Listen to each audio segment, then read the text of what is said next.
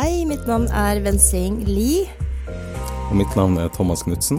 Jeg jobber i dag som arbeidsrettsadvokat i Ernst Young, eh, og sitter i Advokatforeninga sitt mangfoldsutvalg. Ja, og jeg er uh, skatteadvokat, partner i Deloitte advokatfirma.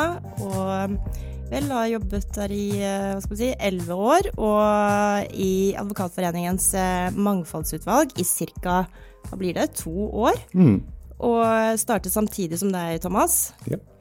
Vi kan jo kanskje si litt om hvorfor vi egentlig sitter, altså hva hva som er eh, tanken bak eh, å ha dette vervet. Eh, hva tenker du, Thomas? Hvorfor startet du? Det var jo først og fremst i forbindelse med at Advokatforeninga sitt kvinneutvalg bytta til, til Mangfoldsutvalget. Og da var jeg også inne og så på hvem som satt i det utvalget, og så at det var grei overvekt av kvinner. Så da tenkte jeg at det var en fin mulighet til å komme inn som mann og faktisk prøve å um, på et eller annet vis få gjort noe bra for mangfoldssituasjonen i advokatbransjen. Hva med deg? Um, jeg ble spurt om å sitte i utvalget. Uh, for helt ærlig så var jeg litt uh, usikker uh, med tanke på at Altså, jeg har jo opprinnelig bakgrunn fra Kina. Eh, og er også, må sies, en av Det gjelder generelt i advokatbransjen, en av få kvinnelige eh, partnere. Eh, og ikke minst også med den minoritetsbakgrunnen som jeg har. Så jeg, jeg var, av den grunn så var jeg litt sånn usikker på om jeg vil sitte i et uh, mangfold. Det er kanskje veldig ærlig, men jeg føler at det kanskje fører med seg også en del sånn Eh, stigma, eller man tenker ja, fordi du er sånn og slik, så skal du da liksom, Hva kan jeg bidra med? Men så hadde jeg en lengre prat med Tina, som, er, eller som var leder i utvalget, og um, fikk tenkt meg om, og ja, jeg, jeg ønsker å bidra til mer mangfold og mer Altså, det går jo på at man har ulike perspektiv. For meg så går det ikke nødvendigvis på kjønn eller etnisitet. Eh, det ble veldig langt på noe kort intro, men, eh, men, det var i hvert fall tanken bak. Eh, så ja, jeg jobber som forretningsadvokat, men jeg har også en større tanke om å gjøre verden bedre, hvis det gir mening. Og der tenker jeg at du sier noe veldig fint. Det er jo hele Eh, altså for det første så ser vi at du kommer med veldig mange gode perspektiver inn til arbeidet i utvalget. Eh, og for det andre så er jo tanken det at alle, i, altså alle som ønsker å være involvert i advokatbransjen, skal ha muligheten til det. Og man skal ha muligheten til å være seg sjøl. For man er, ikke, man er, ikke, kun den personen man er på jobb. Man er, man er noe mer enn det. Mm. Bra. Og i dag Men vi skal ikke snakke om oss selv. Eh, vi skal eh, snakke med gjesten vår som er eh, Gunhild Vehuseia. Velkommen til deg, Gunhild. Tusen takk. Kan uh, nevne at uh, altså, vi, vi syns jo at du har en imponerende karriere, Gunhild. Og eh, du, har, du, har, vært leder for JURK, juridisk rådgiver i Barne- og familieetaten også. Og du har da vært advokat i Salomon Johansen og nå er du partner og daglig leder i ditt eget firma, Vive Advokater. Eh, så ja, det, og, og, ikke minst, du er fembarnsmamma, Gunhild. Mm. Jeg er heldig.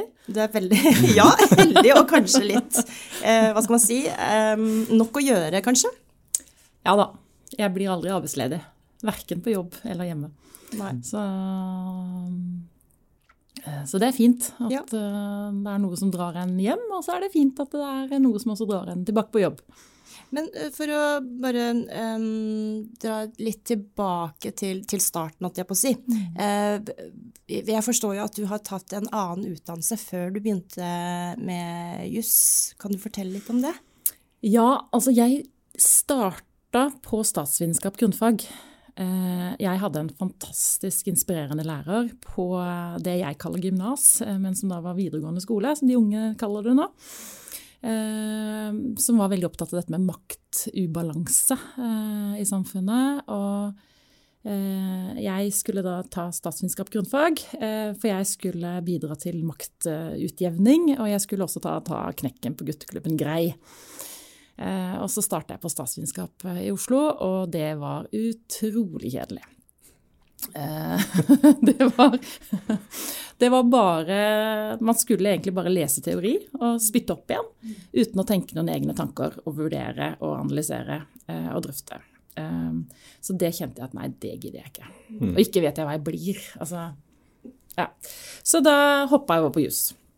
Og hva var, hva var, bakgrunnen for det, det byttet fra, til juss, da? Ja, altså Jeg hadde jo hatt rettslære og syntes det var interessant, men det var litt fremmed. Eh, jeg har ingen eh, jurister i familien, ingen advokater. Og kommer jo egentlig fra en mer sånn arbeiderklassebakgrunn. Eh, så jeg syns det var for så vidt litt skummelt å hoppe over på juss. Det var veldig fremmed kultur. Men samtidig så var jeg også da opptatt av Særlig fordi at jeg var jente fra Sørlandet, fra en arbeiderklasse. Opplevd litt sånn stigmatisering, opplevd at Ja, diskriminering er vel å trekke det litt langt, men altså, det var veldig sånn ulike forventninger til gutter og jenter da jeg vokste opp.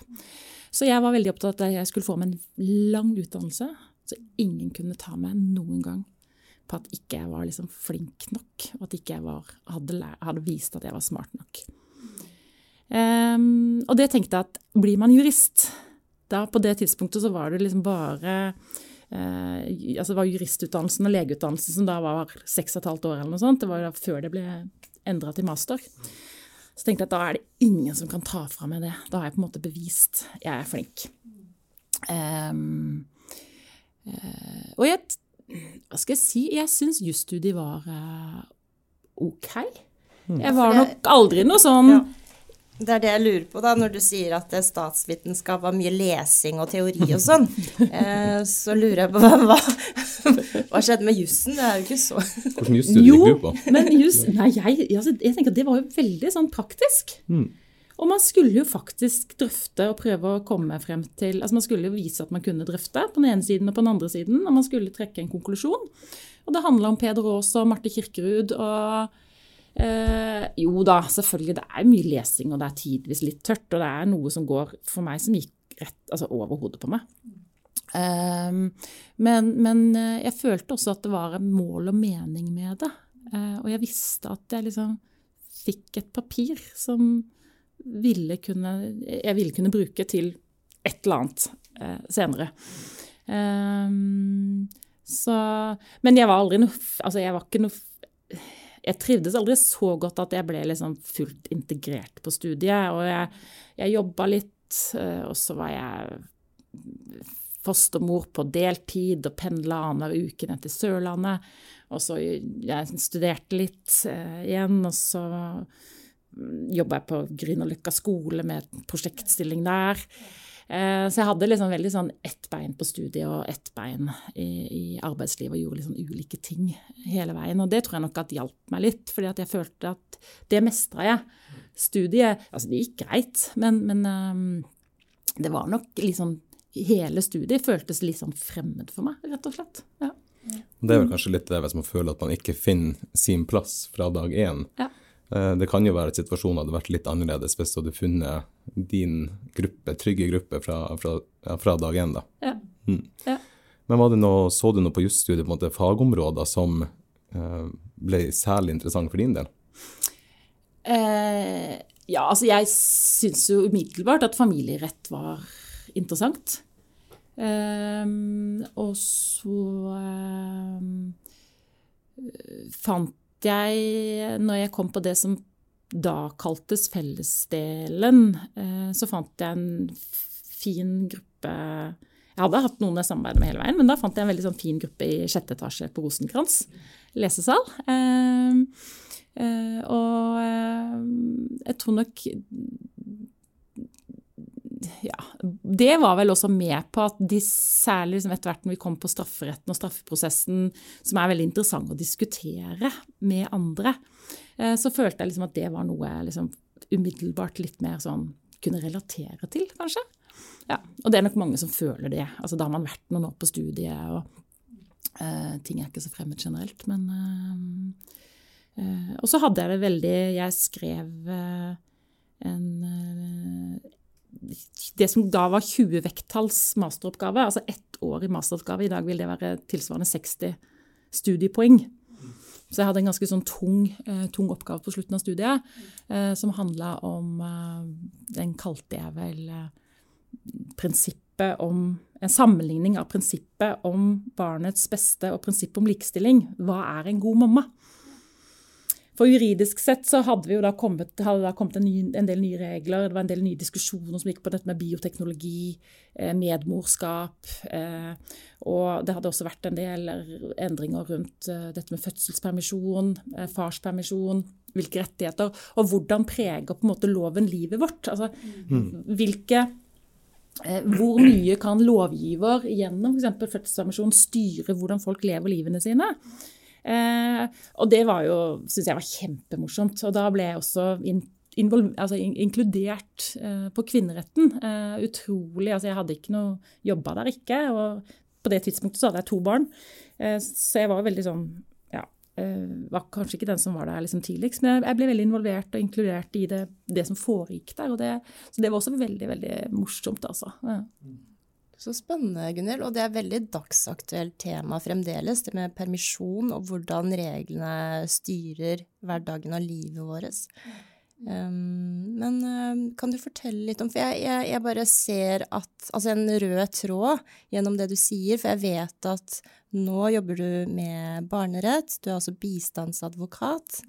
Så, så du har jo på en måte vært veldig tro mot, uh, virker det for meg, da, din interesse fra tidlig av, med hensyn til hvordan karrieren har utviklet seg videre. Mm. Mm. Jeg er nok blant de som ikke har hatt noen klar plan for karriere, men jeg har noen tydelige måte, verdier, jeg har noe som er viktig for meg, eh, som, jeg, som, jeg, da har vært tro mot. Eh, og jeg jobba jo som organisasjonsrådgiver eh, noen år eh, etter studiet. Eh, og en av grunnene til at jeg slutta som det, det var jo nettopp det at jeg fikk ikke jobbe med de altså, Jeg, jeg hjalp flinke folk å bli enda litt flinkere i jobben sin. Eh, kjempespennende faglig sett. Fantastisk firma, fantastisk sjef. Men jeg var liksom så langt bort fra det som jeg egentlig syns er de liksom, viktigste temaene for meg. da. Eh, sånn at da var det å liksom bevege seg tilbake og, komme inn i barne- og familieetaten og jobbe med barnevern. Um, ja. Hvor lenge var du der, Gunnhild? Der var jeg i fire og et halvt år. Ja. Var, var, det rett før du begynte eh, i JURK? Det var ja, rett før jeg begynte i Barne- og familieetaten, og så hoppa jeg over på JURK. Ja, ikke sant. Mm, mm, mm. Og det var også tilfeldig. Altså, da jeg var ferdig med studiet, så hadde jeg jo da brukt uh, ett eller ett og et halvt år lengre, og siste halvannet året fordi jeg hadde fått to barn underveis. Og siste året hadde jeg skrevet denne oppgaven og følte meg egentlig veldig usikker på hva jeg kunne. Um, og var, eh, så da turte jeg, eller turte, men jo litt. Følte at jeg, jeg tør ikke gå ut i arbeidslivet nå. Jeg, jeg, jeg vet ikke helt hva jeg kan. Ja. Så da søkte jeg meg rett videre på noe som het Prosjektforum i organisasjon ledelse, som er et sånn tverrfaglig studium. Så tenkte jeg at ja, da kommer jeg meg liksom inn Blir vant til å gå på studiet igjen, møter folk igjen. Ja. Eh, og der hadde vi en prosjektoppgave på, på et firma som heter Multiconsult som jobber eh, Og så ble jeg da spurt om jeg ville fortsette å jobbe der når jeg var ferdig. Eh, så det var derfor jeg liksom begynte å jobbe som organisasjonsrådgiver. Mm. Ja, i, i Multiconsult, ja. Mm. Interessant. Så jeg jobba med ingeniører. Ja, der, der, var mannen min også. Ja, ja ikke sant? Han eh, var det et par år tidligere. Ja. Mm. Fantastisk firma med veldig mye på plass og veldig, veldig spennende å få lov til å jobbe på den organisasjonsutviklingssida. For var, de holdt på med mye oppkjøp og mye strategi i samlinger på det tidspunktet. Ja. Men, eh, men, som du sier, Vensing, altså, jeg har jo hatt dette her med barn og barns rettigheter og med dette med rettferdighet og øh, ønske øh, Ja. Øh, om en eller annen form for maktutjevning liksom, med meg fra barnsben av. Så, mm. Og det fikk jeg ikke realisert helt i Multiconsult. Nei, det, jeg ser den. ja, for det høres ut som at det har vært en liten en sånn rød tråd fra, fra, tidlig alder. Mm. Eh, men hvordan var det, og hvordan opplevde du det å få barn på studiet? Nei, altså jeg hadde jo da en mann som jobba, så han hadde inntekt, selv om ikke den var kjempe, kjempehøy. Eh, så man har jo mindre penger når man får barn under studiet. For du, du får jo kun ja, Man får omgjort denne engangsstønaden til eh, Nei, du får en engangsstønad, og så får man omgjort lån til stipend. Men man har jo ingen som puster en i nakken på samme måte som når man er hos en arbeidsgiver. Um, og man må være disiplinert, selvsagt. Barn blir syke, det er en del man må være hjemme. Men, men samtidig, så, hvis man er litt disiplinert, så, så, er det mye lettere å være fleksibel, rett og slett. Uh, så jeg må si at jeg, veldig, jeg, er veldig glad for at jeg fikk de to første under studiet. Uh, og da hadde jeg jo også litt bedre bedre tid, det er kanskje litt feil sagt, men i og med at ikke du har noen som puster deg i nakken, og du vet ikke helt hvor du skal, eh, så hadde jeg også litt sånn bedre tid rett og slett til å bli mamma. Bli litt sånn avklare med meg selv hva slags mamma ønsker jeg å være. Hva er viktig for meg som mamma? For det vet man jo ikke før man får et barn. Eh, man må liksom leve det før man liksom skjønner er jeg en sånn en som prioriterer å lage hjemmelaga julekalender, eller er jeg en sånn en som kjøper en julekalender. Eh, er jeg en sånn som vil lage hjemmelaga bursdager, eller er jeg en sånn som vil dra på Lego, Leos lekeland? Altså, det å ta liksom, liksom bevisst forhold til hvem er jeg som mamma, um, det tror jeg kanskje at jeg fikk litt bedre tid til å gjøre, fordi jeg fikk barna både litt sånn under studiet, ikke du har den der pusta i nakken, og karrierepresset, liksom. Uh, også sannsynligvis fordi at jeg fikk barna litt tidlig. Jeg var jo 24 da jeg fikk eldste. Mm. Ja. Og hvis jeg kan uh, bore litt i det, for jeg vet at du senere også begynte i uh, Salomon Johansen som uh, advokatfullmektig, og du ble vel advokat der i løpet av den tiden. Kan du fortelle litt om hvordan det var å jobbe som en ung, fremadstormende, samtidig som man på en måte har flere barn? Hvordan fungerte det? Ja, på det tidspunktet da jeg begynte der, så hadde jeg fire barn. Mm, Ludvig var da et par år gammel, tenker jeg. Eh, jeg opplevde jo at det var et firma som la veldig opp til at man skulle prøve å ha en fornuftig balanse. Ja. Eh, sånn at eh, Og de var også veldig tydelige på at ønsker du å ha en redusert stilling, så er det også helt ok. Det ønsker jeg ikke. Vi er veldig glad i å jobbe. Og eh, jeg har nok Jeg er heldig, tror jeg, fordi jeg tror jeg har mye energi. Ja, eh, og er lite syk. Sånn at jeg, jeg har fått på en måte en gave uh, der. Um, men, men det, var, det var fullt mulig å liksom legge opp dagen litt sånn som man ønska selv. jeg var jo også voksen da jeg begynte som advokatfullmektig, og hadde såpass mye kontakter at jeg raskt fikk klienter inn selv. Og jeg tror nok at det gjorde at jeg fikk en større fleksibilitet. Eh, jeg, jeg tror Altså, når sjefen ser at du faktisk ganske raskt begynner å levere, og at firmaet tjener penger på deg, så, så, gir det automatisk en større frihet. Selvfølgelig. Ja. Men, men, hva var måte, grunnen til at du på det tidspunktet, med fire barn, fant, fant ut at du nå skal starte advokatkarrieren? Altså, hva, hva lå bak det? Mm, nei, ja, det, det, er et godt spørsmål. Jeg var ikke helt sikker på at det var det jeg ville. Jeg hadde da vært i JURK i tre og et halvt år. Eh, jeg hadde, bedt, altså hadde blitt spurt om jeg ønska å fortsette, og takka nei til det. Jeg, altså JURK er en organisasjon som jeg følte at de trengte Da trengte de en ny leder. En med andre, eh, andre fokusområder enn meg. Jeg hadde liksom gjort ferdig det jeg hadde lyst til med JURK. Eh, og så tror jeg at ulike organisasjoner man trenger ulike typer ledere på ulike tidspunkt, rett og slett. Ja. Så da var jeg helt usikker på hva jeg ville. Om jeg da ville gå videre og jobbe med på en måte juri, altså ren juss, eller om jeg ville heller gå videre og jobbe mer som, mer som leder. Og så ble jeg rett og slett bare spurt. Og så tenkte jeg hvis jeg noen gang skal gjøre det, så er det nå. Eller så blir jeg for gammel. Eh, og jeg har jo ikke angra i det hele tatt. Nei. Nei. Nei. Var det da også samme barnerett og familierett som ja. var ditt område? Ja, altså det Jeg ble da spurt om å gå inn og jobbe i det som de kalte vel bistandsavdelinga. Og da jobba vi mye med bistandsoppdrag, og også da familie, familierett. Eh, mm. Eh, hovedsakelig. Mm. Ja. Mm. Og, og, deretter? så valgte du å gå dine egne veier.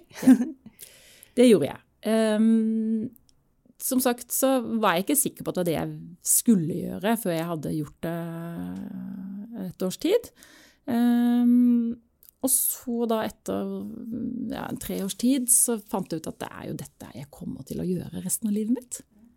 Ja, her jeg har funnet hylla mi, rett og slett. Um, så da tenkte jeg at da har jeg egentlig lyst til å etablere mitt eget firma og gjøre det på min egen måte.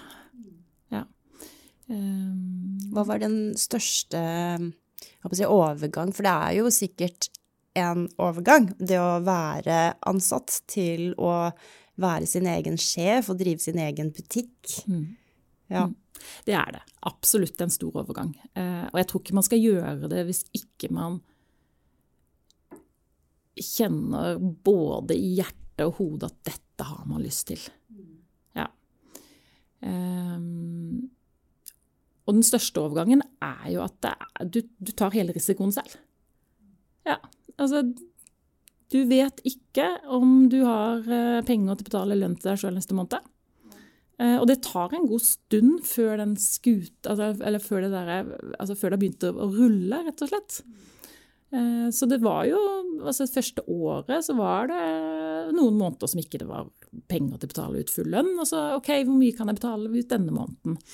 Ja. Og sånn at det må man være villig til. Mm. Ja. ja. Mm. Og, det, og, det, er det jeg, jeg tenker sånn for egen del, da, for det, det virker jo veldig skummelt eh, sånn med tanke på den økonomiske risikoen. For jeg, jeg vil tro at Altså ikke for å ta sånn stereotypier, men, men, vi har jurister som er typisk hva skal man si, innenfor en uh, viss A4-boks. da. Vi skal jo leve trygt og ha en uh, trygg økonomisk ramme. Jeg tenkte i hvert fall selv før jeg fikk barn, så skulle jeg være gift. Alt skulle være liksom klappet og klart, og økonomien skulle være tipp topp, ikke sant. Og, og ja, jeg bare tenker litt sånn, har du noe råd og tips til eh, de yngre som kanskje sitter med en litt sånn tanke om å bli gründer selv en gang? Hvis man er usikker på om man vil bli gründer, da skal man ikke gjøre det. Ja. og jeg tror at det er ganske viktig å kjenne seg selv så godt som mulig. Altså alle har vi selvfølgelig noen sånne områder som vi ikke er klar over. Men det å være litt tydelig på hva er det som er viktig for meg som menneske? Er det det å vite at eh, jeg kan Altså er det det komfortable livet? Eh, hvor du alltid har råd til å kjøpe det du vil, du alltid kan planlegge, du kan langtidsplanlegge?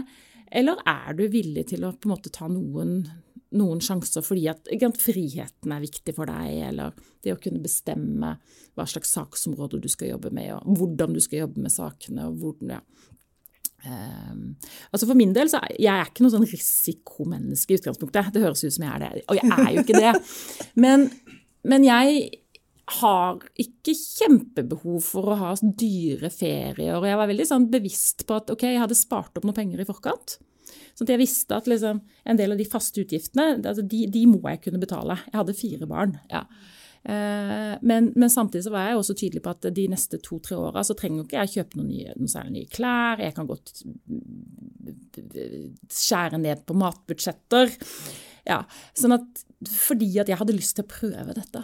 Ja, for jeg tenker, der tenker jeg for min egen del at da, da er du på en måte kommet såpass langt med det her å identifisere hva du sjøl vil og trenger. At da er man på, en måte på et litt annet stadie enn den som ganske fersk i både karrieren og, gans, og ikke har funnet seg sjøl eller sin plass helt ennå. Så kanskje, kanskje, gi det noen år og finne ut at man faktisk vil det. Uh, men, men hva, var, altså, hva, var, den største forskjellen, sett bort fra den måte, økonomiske risikoen på det å Eh, være ansatt og det å drive sin egen butikk? Altså hva, hva, altså, hva var fordelene der, og hva var ulempene? Altså Den største forskjellen er jo at det er jo ingenting som er på plass av infrastrukturen. Altså Du må finne regnskapsfører, revisor, det er nettside, det er Facebook-side, det er saksbehandlingsprogram, det er kontorleie, det er altså alle disse små tingene som faktisk tar ganske mye tid. akkurat der tror jeg det, du har mye av grunnen til at mange kanskje velger å ikke ta, ta steg. Alt som må administreres Ja. og ordnes. Ja. Hmm. Ja. Eh, og, og det å finne en, en flink regnskapsfører Gud hjelpe meg, det er ganske vanskelig, altså. Du tar ikke det selv? Nei, det tar jeg ikke selv. Nei, det tør jeg ikke. Og det er absolutt ikke. Mm. Ja. Jeg må jo si at det er veldig måte, interessant og motiverende å, å vite at du eh, torde å ta den sjansen, se- selv med fire barn. Jeg tror det ville begrensa veldig mange at eh, det trenger ikke være fire engang. Hvis du har ett barn, så er man kanskje litt mer usikker på om man skal gjøre det, og om man tør å hoppe. Så det er veldig ja. Jeg også tenker det samme, at det er veldig inspirerende å høre på folk som faktisk eh, får det til.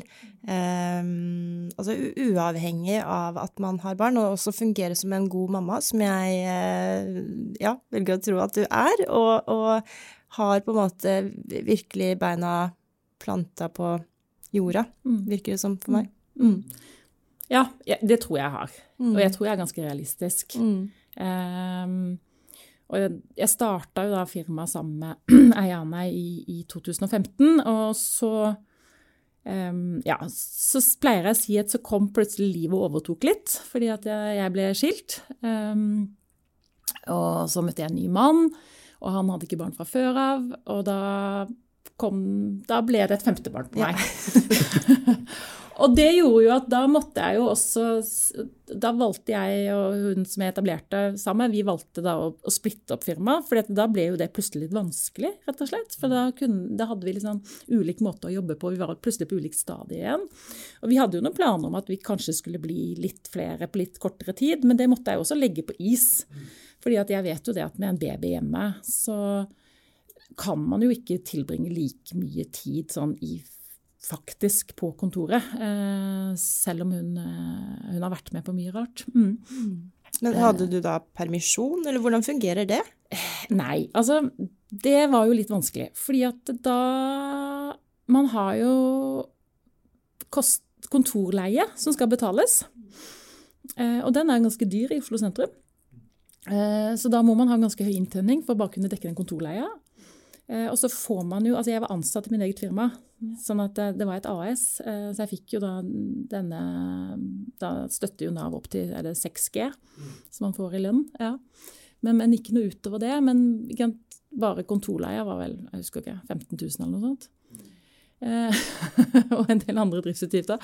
Så det jeg gjorde, var at jeg eh, Jeg gikk tilbake i jobb. Ja, jeg var hjemme noen uker. Eh, og så var jeg vel ja, på, for fullt egentlig tilbake da hun var seks uker. Um, og det anbefales ikke på de første barna. Nei, ikke sant? Du Nei. var jo ganske dreven mor, Jeg da, var for å si ganske sånn. dreven mamma. Eh, også Ludvig ble født da jeg var leder på JURK. Da var jeg hjemme i to måneder. Tre, nei, tre, kanskje. Ja. Eh, og så var jeg tilbake igjen. Eh, Men da, på, men da jeg liksom, var hjemme en dag i uka, og, og Ludvig var med meg på jobb. Ja, han har vært med rundt omkring, han har vært med på Stortinget, han har vært med overalt. Men det var barn nummer fire, ikke sant. Og også nå så, så, så, så er det, det er litt annerledes. Ja.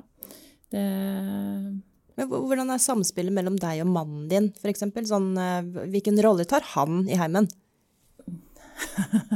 Forsiktig med hva du sier nå. Nei, det behøver jeg egentlig ikke være. Altså, vi er vel egentlig ganske omforent og enige om at det er jeg som organiserer og administrerer. Sånn er det bare. ja. Ja. ja. um, sånn at dette som man kaller det tredje skiftet, det er det jeg som tar. Ja. Uh, og han er vel også ganske ærlig på at det er en del han ikke ser. Em, og at han gjerne vil at jeg skal lære han å se, eller be om hjelp. Men det er litt på det stadiet der. Og det har jeg også på en måte kanskje bare innfunnet meg med, nå som jeg er blitt så voksen. Da jeg var 30, så var jeg mer forbanna på at, ikke, liksom, at man måtte ta det tredje skiftet. Eh, det har jeg skjønt at ja, men sånn er det bare. Jeg, kan, jeg, må bare slutte å prøve å fighte. Liksom. Så du tror det ligger i mannens uh, unnskyld, Thomas, i mannens uh, natur? Nei, det mindre. tror jeg ikke nødvendigvis. Jeg tror det finnes en del menn som faktisk klarer å se og klarer å gjøre det. Men jeg tror at kulturen vår, oppdragelsen til menn, ikke i like stor grad har gitt de muligheten til å lære det. Og da har både min mann nummer én og mann nummer to vært oppdratt i den type kultur hvor ikke de har lært seg å se det på samme måte. Og det forventes heller ikke at de skal se det. sånn at De møter ikke de sosiale reaksjonene eh, når de ikke ser det. Så, så, jeg tror at det ligger i kultur og ikke i biologi, faktisk. Mm. Så fikk du den, Thomas? Jeg tror ikke vi skal fortsette på det, det sporet der. Eh, men, men, da hører jeg, da har du jo eh, altså fem barn, eh, driver et eget firma, du tar det tredje, tredje skiftet. Hvordan får du hverdagen til å gå rundt? Det, det er liksom det store spørsmålet mitt der. Ja, jeg er jo da tross alt ansvarlig for det tredje skiftet, sånn at jeg er ganske god på å, å delegere oppgaver. Alle barna mine har lært opp til det, så de er, litt, de er litt sure når de må lage middag en dag i uka. Ja. Jeg har tre gutter og to jenter. Mm. Eh, og jeg ser Dessverre, kanskje at uh, Hanna på 20 hun er uh, veldig mye flinkere til å ta det der ansvaret mm. enn storebroren på 22. Uh, og se ting som skal gjøres i forhold til f.eks. For det tredje skiftet. Mm. Men så har hun da en lillebror på 16, og han også. Han er faktisk ganske flink til å se hva som skal gjøres, og, ting, og gjøre ting, ting, komme ting i forkjøpet.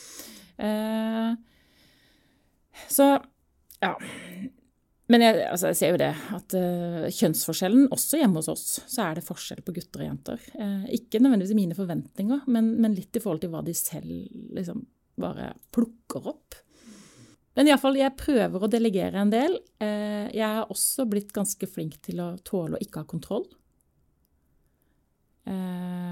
så det glipper innimellom, særlig kanskje liksom Eh, ikke på store ting, men, men, men på sånne småting. Så, så, eh, så, og huset mitt ser ikke veldig Ser ikke kjemperyddig ut hele tiden. Eh, ja. ja. Jo, men altså, en del så sånne ting. Altså, det ja. må nesten være sånn, mm. rett og slett. Men, men, men, kjenner du litt på at det byr deg litt, litt imot? For det, du, jeg hører at du sier at det, liksom, du, ja, det med kontroll og, og ja Hvordan er du som person i forhold til det med å ha kontroll? Sånn din naturlige deg? Ja, naturlig meg, jeg er glad i å langtidsplanlegge. Jeg er glad i å ha ting ja, under kontroll. Ja, ikke sant. Ja, mm. det er jeg. Uh, og, og uh, jeg tror ikke jeg har Altså jobbmessig så tror jeg ikke jeg har oversittet én frist noen gang. Uh, jeg har glemt å be om oppnevning som bistandsadvokat i en sak, og jobba på den i halvannet år. Og da måtte jeg bare sende et brev til retten da jeg skulle fakturere saken, og bare rett og slett bare legge meg flat. Uh, og skrive 'beklager, unnskyld, jeg, jeg har faktisk glemt be en oppnevning'. Kan dere oppnevne meg i etterkant? Og det gikk bra? Og det gikk bra. Ja. ja. Godt å høre. Ja. At det, det, går bra, det også. Det mm. går faktisk bra. Og jeg mm. tenker at det er menneskelig av og til å gjøre en sånn type feil. Ja. Uh, og det dummeste man gjør da, det er jo å late som man ikke har gjort det, eller å, å prøve å dekke over, tenker jeg. Um, men, men, jeg Igjen, altså jeg tror nok at noe av grunnen til at det går sånn rimelig bra, uh, det er det at jeg prøver å prioritere. Uh, avklare hva som er viktig for meg, og hva som ikke er så viktig for meg. Uh, og så prøver jeg å Det ble også helt feil. så har jeg en veldig sånn tydelig prioritering på at det er liksom barn og jobb som er viktigst. Eh, man kommer faktisk på tredjeplass. og så har jeg vært nødt til å innfunnet meg med at en del av deres sosiale, det har jeg ikke tid til. Rett og slett. Men er det her noe du har vært på måte, bevisst på over lang tid? For det, man snakker jo mye med kollegaer eller venner og sånn, og da er jo eh, mange som I hvert fall føler jeg sjøl at mange snakker om at de føler seg liksom, at de ikke strekker helt til på jobb, og ikke strekker helt til på Eh, på hjemmebane. Eh, så er det her noe du har jobba bevisst med for din egen del, og så har du vært klar over den problematikken lenge og faktisk satt deg ned og tenkt hvordan vil jeg ha det i livet, eller har det bare gått seg til? Jeg tror nok at jeg alltid har vært en som tenker mye. Ja. Og altså bare oppgaven min om eh, eh, Hvor jeg liksom prøver å balansere og diskutere hva er en god mamma. Eh, gjorde jo at jeg også fikk mulighet til å gå enda mer i dybden på, på den type tematikk. Eh, jeg tror også at i og med at jeg kommer fra Sørlandet, eh, og kommer fra en familie hvor jeg hadde ganske sånn konservative verdier, så har jeg jo da egentlig gått imot de vanlige konservative verdiene. Og det har gjort at jeg har vært nødt til å tenke enda mer igjennom hva som er viktig for meg, og hvorfor er dette viktig for meg. Altså, hvorfor ville jeg fortsatt bo i Oslo etter at jeg fikk barn, f.eks. Altså, eh, for deler av min familie så var det jo helt merkelig at man kunne ha barn og velge å oppdra barn i Oslo, istedenfor å flytte ut og leve det gode liv eh, på Sørlandet. Eh, så, så, jeg tror nok at jeg har vært litt mer enn gjennomsnittet bevisst på det. Mm, mm. Så ja. For der tror jeg i hvert fall for min del tenker at der er jo det mye av utfordringa ligger. At eh, når man faktisk har en, eh, en, krevende jobb, og i tillegg til å ha forpliktelser på, på, privaten, så tror jeg at hver enkelt må inn og gjøre en sånn øvelse. Og faktisk finne ut hva, hva er viktig for meg, og hvordan skal jeg få dem eh, jobb og privatliv til å gå opp. Så jeg tenker at det er jo da, og igjen motiverende når man ser at du da med fem barn og Eh, og den jobben du har, faktisk klarer å få det til å gå rundt. Eh, men, men, det jeg tenker litt sånn når vi snakker om å, å, å langtidsplanlegge, som jeg hører at du sier, Gunhild, fordi jeg må bare si at den jobben jeg har, er ikke nødvendigvis eh, lett å planlegge. Jeg vet omtrent ikke hva jeg skal gjøre i morgen, ikke sant. Um, for det er jo mye som er styrt av klienter. Mm. Uh, og, og, da lurer jeg litt sånn Du går kanskje i retten også, Gunhild. Og hvordan planlegger man det? Fordi jeg vil jo kanskje tro at du også kan plutselig få en telefon uh, som du ikke hadde forventa om at du må stille opp sånn og slik. Og da, hvordan planlegger du det? Og, og, samtidig må du kanskje hente Jeg vet jo din yngste er fire og et halvt år. Ja. Fremdeles levering og henting i barnehagen, ja. Mm, mm, det sant? tar tid. Ja, nettopp. Um, nei, altså sånn rent praktisk så har vi det sånn at vi har en, jeg og, og, og samboeren min, vi har en felles kalender. Uh, og når jeg legger inn at jeg skal i retten, så forstår han at da må han i utgangspunktet sannsynligvis hente og levere den mm. dagen. Mm. Ja. Så har vi selvfølgelig perioder, særlig han har hatt noen lengre saker. Han er, også, han er politiadvokat, han har hatt noen lengre saker i retten. Og da kan jo ikke jeg la være å beramme når han har en seksukerssak, liksom. Altså, det går ikke. Eh, sånn at da må vi ha et litt mer heseblesende liv. Um, eller så er jeg jo heldig fordi at jeg har fire store barn. Ja, mm. Så de buffer jo mm. faktisk litt opp. Ja. De kan ikke Ja, de har vel levert et par ganger, men stort sett altså det med henting, f.eks., så kan jo de hente. Um, det er jo også da bare hun minste som vi må være hjemme med når hun er syk. Uh, så jeg tror nok at det at jeg da valgte eller det at det ble sånn, at jeg begynte som advokat litt mer, i litt mer voksen alder, når flere av barna mine var litt eldre, det gjør jo min hverdag litt enklere enn når man har tre små barn liksom, under ti år, hvor ingen kan være alene hjemme. Uh, og ingen kan hjelpe til med å hente og levere. Uh, så, og det tenker jeg også at det er jo noe vi tror jeg kanskje som samfunn kan bli litt flinkere til det er jo å tenke at alt til sin tid. Det er ikke sikkert man skal gjøre superkarriere som advokat mens man har tre små barn hjemme. Hva, hva er det egentlig som haster så innmari? Mm. Ja, der, der, sier du noe. Mm. Um, jeg tror det er mye hvordan ting på en måte alltid har vært. Fordi jeg har jo også hørt, det har sikkert dere også, at hvis du ikke blir partner i et firma innen du fyller 40, så blir du liksom ikke det, ikke sant. Altså det, det er litt sånn, kall det myte, eller men, men, det er jo også sannhet i det.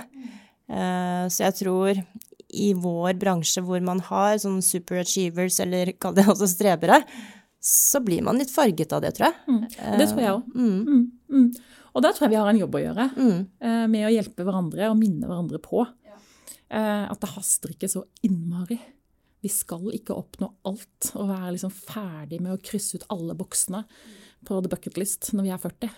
Eh, det er et liv etter det òg. Eh, og for å si det sånn, altså, er det ett yrke hvor det er ålreit å bli voksen dame, så er det jo i advokatverden. Jeg syns jo det er kjempeålreit å gå i retten eh, og se at jeg er liksom ikke Jeg blir sett på litt annerledes. nå er jeg 47. Eh, jeg ser det, altså. At det faktisk bare er positivt. Eh, apropos det, å være 35 kontra en av mine første saker Jeg har ikke vært så ofte i retten. Um, jeg, jeg jobber jo som rådgiver. Men en av mine saker var to dagers uh, hardcore skattesak. Da var jeg faktisk uh, fire måneder ute i mammapermisjon, var egentlig litt i ammetåka. Uh, apropos hersketeknikk, du kan jo tro uh, motpartens advokat, han brukte jo alle de hersketeknikkene etter boka. Han begynte Altså, før jeg gikk inn, vi var inne i salen, så var det sånn Hei, advokatfullmektig Li. Eh, han, han, begynte liksom, For første gang så var innledningsforedrag. Han begynte å prosedere, gikk frem og tilbake. Han ble bedt av dommeren om å sette seg. Eh, og når det var min tur til å prosedere, kvarter ute i den prosedyren, så um, avbrøt han meg og så på klokken, og så sa han Ja, advokatfullmektig Liv, hvor lenge har du tenkt å snakke? Og det var, det var altså Ja, min andre sak. Jeg var en ung fullmektig på det tidspunktet. Men, men jeg blir jo litt sånn gira og sånne ting, fordi ja, man blir jo litt sint, og så enten så blir du satt ut, eller så bare kjører du på. Og det gjorde jeg. Men jeg tenker liksom, hadde jeg vært enda eldre, altså som i dag, så hadde jeg tatt det annerledes. Du hadde forhåpentligvis hadde ikke brukt så mye energi på det i det hele tatt. Ja, og jeg er jo fortsatt sånn... sur. Ikke sant? Ja, ja. Så er det bare noe du ville ha lagt til? Nei, jeg kan si Jeg fortalte barna mine at uh, jeg var blitt bedt om å komme hit og besøke dere. Og at uh, et av temaene da ville være dette med work-life balance. Mm. Og så spurte jeg de hvordan, hvordan syns dere at jeg får det til? Um, Risiko? Ja, men det er Og jeg forventa jo ikke at de kom til å applaudere fullstendig. Mm. Eh, det, altså hun på 20, hun, det hun sier, er veldig tydelig. Altså nå, nå studerer hun juss, eh, så Ja, selvfølgelig. ja, eh, det er jo litt morsomt. Men jeg har, ikke, jeg har ikke prøvd å påvirke henne, faktisk. Nei. Men det hun sier, er at hun syns at det er veldig inspirerende, og det er jo veldig hyggelig. Mm. Ja. ja. Men samtidig sier både hun og, og, brødrene hennes at det som er mest irriterende, det er at disse telefonene kommer hele tiden. Og det er ganske irriterende. Og så spurte jeg om er det et problem. Nei, det er ikke et problem, det er bare irriterende. ja. Det er greit å få noen eh, tilbakemeldinger på det. Ja, og, og det tror jeg nok, for jeg har jo liksom prøvd å være liksom bevisst på å eh, å fortelle de og vise for de at jobben min er viktig for meg. Eh, og jeg prøver jo også å si det at eh, når jeg har den jobben jeg har, så, så, er, eh, så er, det sånn at jeg kan ikke skru av klokka fire. Eh, men det betyr også at jeg er fleksibel. Jeg kan faktisk bli med og følge til tannlegen. Jeg kan faktisk ta høstferie, ta vinterferie. Eh, prioritere å komme tidlig hjem eh, når jeg ikke er i retten. Sånn at det er noe med at det, kan gå begge veier. Mm. Men, men, de syns det er litt irriterende da, med disse telefonene innimellom. Mm. Men det er jo veldig gøy å høre at din datter også har valgt eh, samme, eller om ikke samme karrierevei, så i hvert fall eh, juss, da. Ja, hun har i hvert fall ikke fått helt avsmak. Nei, ikke sant. Jeg tenker også at det er godt, er godt tegn. ja. eh, bare noe vi glemte å spørre om i, eh, da vi var inne på det her work-life balance i sted. Eh, du jobber jo på en måte, i hvert fall i motsetning til mange andre, med litt tyngre saker, hvis man kan kalle det det. Altså det er jo sårbare, sårbare grupper og barn. Hvordan, hvordan, er det når du altså Klarer du da noen gang å skru av når du kommer hjem fra, eller er ferdig for dagen? da? Eh, det er et veldig viktig spørsmål som du stiller. Um, og uh, Altså, for å si det sånn, jeg lar meg berøre av de menneskene jeg møter, og de skjebnene som jeg uh, får innblikk i. Eh, og, hvis, og, den dagen jeg ikke lar meg berøre i det hele tatt, da tenker jeg at da må jeg finne på noe annet å gjøre. Eh, og så prøver jeg samtidig å ikke overta. Altså det er klientenes liv, eh, det er deres smerte. Det er ikke mitt liv og ikke min smerte. Så jeg prøver å være liksom bevisst på min rolle. Jeg er advokaten deres. Jeg skal ikke være psykologen deres. Jeg skal ikke være vennen deres. Jeg skal være en vennlig sjel.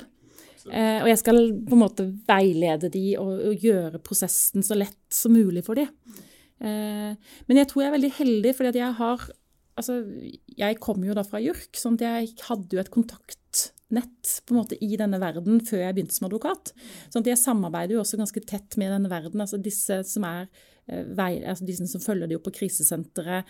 Jeg har en del eh, klienter som kommer fra eh, som, som, har vært mulige offer for menneskehandel, til, særlig til menneskehandel til tvangsarbeid.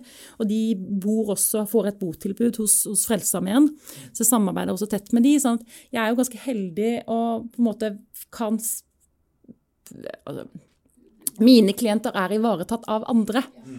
Ja. Sånn at, og, og, der hvor jeg har klienter som ikke er ivaretatt av andre, så prøver jeg liksom ofte å, å, å hjelpe dem sånn at de blir ivaretatt av andre. Henviser de til å ta kontakt med lege. Og så har jeg jo vært eh, Jeg føler det er veldig verdifullt, for nå har jeg ja, øh, I og med at jeg har disse kontaktene i, i dette, dette, nettverket, så har jeg blant også, også nå fått lov til å holde en del undervisning. Jeg får lov til å liksom, innimellom løfte blikket litt. Sånn at man ikke bare jobber med den enkelte saken, enkelte saken, enkelte saken, men man får lov til å løfte blikket litt og se ting i sammenheng. Og være med og, lære opp de ansatte på krisesenteret har jeg vært med på. Nå har jeg skrevet bok. Um, sånn at jeg føler liksom at det er disse erfaringene til det enkelte mennesket som er ofte negative, de kan jeg på en måte bruke på en nyttig måte. Da. Eh, mm. Men jeg har jo tenkt at eh, kanskje burde jeg som en del av de ansatte på krisesentrene hatt obligatoriske eh, veiledninger eller møter hos en psykolog et par ganger i året, liksom. Altså, mm. Jeg kjenner For min egen del så kunne jeg nok trengt det ganske kjapt. For jeg er også en sånn person som lar meg berøre. og jeg skulle jo lenge jobbe med barnerett, det var planen under studiet. Men da, da fikk barn under studiet, så bare det kommer ikke til å skje likevel. Eh, men, men, du nevnte at du hadde bok.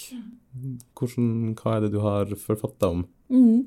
Du, jeg um, har skrevet en bok sammen med ei som heter Vanja Sæther, som er leder for krisesenteret Salten, og ei som heter Ellen Roberg, som selv Eh, var eh, utsatt for livstruende vold og måtte flytte til andre sida av landet med fire barn og bodde på Kode eh, i mange år. Det, dette er 15-20 år siden, så det, det, hun, hun, hun har det bra i dag, selv om hun fremdeles ikke kan leve som hun vil og åpent i det offentlige rom. Men vi har skrevet en bok om veien ut av vold, overgrep og utnyttelse som er på en måte en veileder, en håndbok. Eh, I både liksom litt sånn om jussen, men mer sånn praktisk. Hva skal du være oppmerksom på? Hvilke rettigheter har du? Hva bør du tenke på? Mm. Så det har vært eh, kjempe, kjempespennende. Mm. Ja, det høres sånn ut. Mm. Veldig spennende. Så da muligheten til å forhåpentligvis hjelpe, hjelpe noen på veien. Ja. Så det er ja. kjempebra. Ja. Mm. Men eh, du Gunhild, dette her var veldig interessant, og tusen takk for eh, praten. Eh, til slutt så Ja, jeg, jeg, bare tenker sånn hvor, hvor, går veien videre, da? Med hensyn til denne langtidsplanleggingen din? Ja. Jo, nå er jo da hun minstemann blitt fire og et halvt. så nå tenkte jeg at nå kan jeg kanskje få lov til å bygge firmaet litt større. Eh, så nå har jeg ansatt ei eh, som begynner 1.1, så da har jeg to ansatte. Oi, gratulerer. Eh, takk. Eh, og så har jeg jo veldig lyst til å ha et sånt team på, en sånn fem-seks mennesker kanskje. Eh, sånn at også de, altså både, meg, både jeg og, og, de som er ansatt hos meg, har muligheten da, til å eh, forhåpentligvis fungere som advokat og ha et liv ved siden av. For jeg tror jo at det er det som gjør oss både til gode advokater eh, og til ja, gode foreldre. Og Mm. til ålreite mennesker både for oss sjøl og fellesskapet, liksom. Og som har Så- indre balanse. Ja. sant? Iallfall sånn i perioder. Ja. Ikke hele tiden. Nei. For det tenker jeg altså at vi må godta. At noen ganger så er, går alt litt på tverke, og så får man bare ja, godta at sånn er det. ja. Sånn er livet. Sånn er livet. Tusen takk for at du kom. Tusen takk for meg.